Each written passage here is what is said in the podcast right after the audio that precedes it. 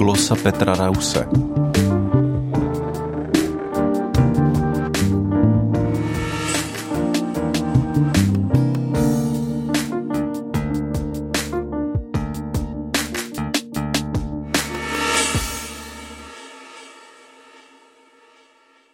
Tak nám začal nový rok. Každý nový začátek je příležitostí, i když jde o začátek tak fiktivní, jako je výměna kalendáře. Nový rok neznamená v životě vesmíru vůbec nic. V tu chvíli se neodehraje nic podstatného, ba ani nic nepodstatného, co by bylo vázané na tento časový okamžik a nutně muselo měnit naše životy. Je to jen hra. Naše lidská domluva, že tomuto momentu přisoudíme nějaký význam – to ale neznamená, že by přelom roku byl skutečně nevýznamný. Ta lidská dohoda, už sama ta skutečnost, že jsme se rozhodli této chvíli nějaký význam přisoudit, z ní dělá okamžik docela důležitý. Je dobře si uvědomit, že nejsme hříčkou v rukou osudu, který by rozhodoval za nás a proti kterému by nebylo možné se postavit. Dokonce ani Bůh za nás nerozhoduje tak, že by na naší vůli nezáleželo. Bůh, jak ho představuje Bible, bere lidské rozhodování velmi vážně.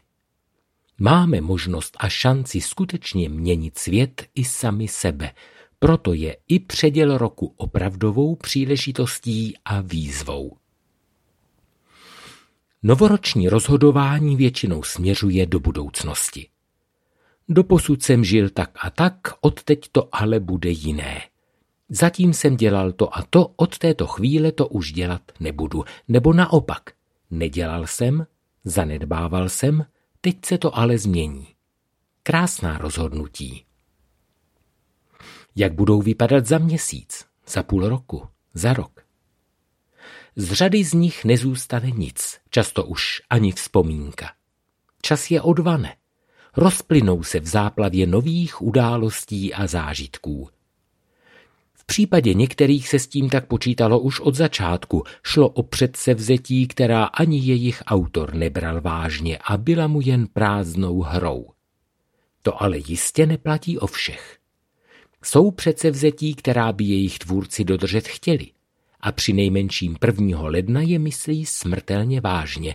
Proč se to za pár dní změní? Není možné výjmenovat všechny důvody, které by mohly přicházet v úvahu, je jich příliš mnoho. Jeden ale zmínit chci. Mám za to, že není nijak vzácný. Přijatá předsevzetí jsou příliš náročná, příliš velká. Proč si ale dáváme nadměrně náročné úkoly?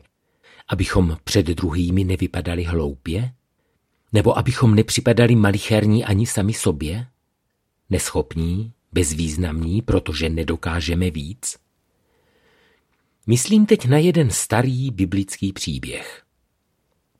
Když počátkem 6. století před Kristem rozbořil babylonský král Nebúkadnesar II. Jeruzalém, zničil i Šalomounův chrám, na který jeho pamětníci vzpomínali jako na mimořádnou stavbu. Když pak novobabylonská říše padla a vlády se zmocnili peršané, dovolili židovským zajatcům nejen vrátit se do vlasti, ale i svůj chrám obnovit.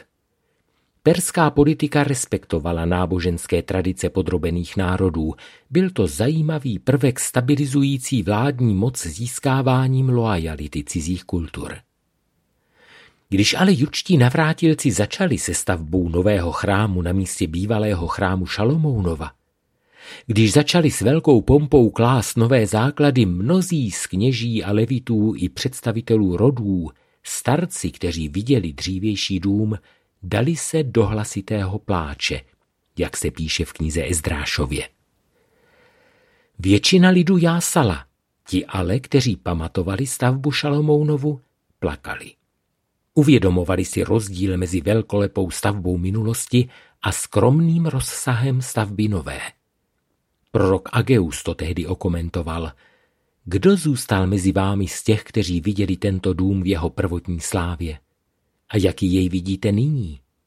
Není ve vašich očích jen pouhé nic? A tehdy poslal Bůh proroka Zachariáše vyřídit svůj vzkaz.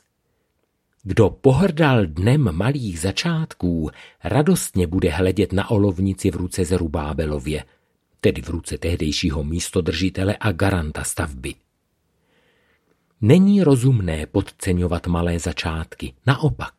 Je moudřejší dělat menší postupné kroky, než se snažit všechno vyřešit najednou a hned. Snad všechny revoluce světa vedly ke zlým koncům, zatímco evoluce, tedy pomalý, ale vytrvalý kvalitativní růst, dokáže divy.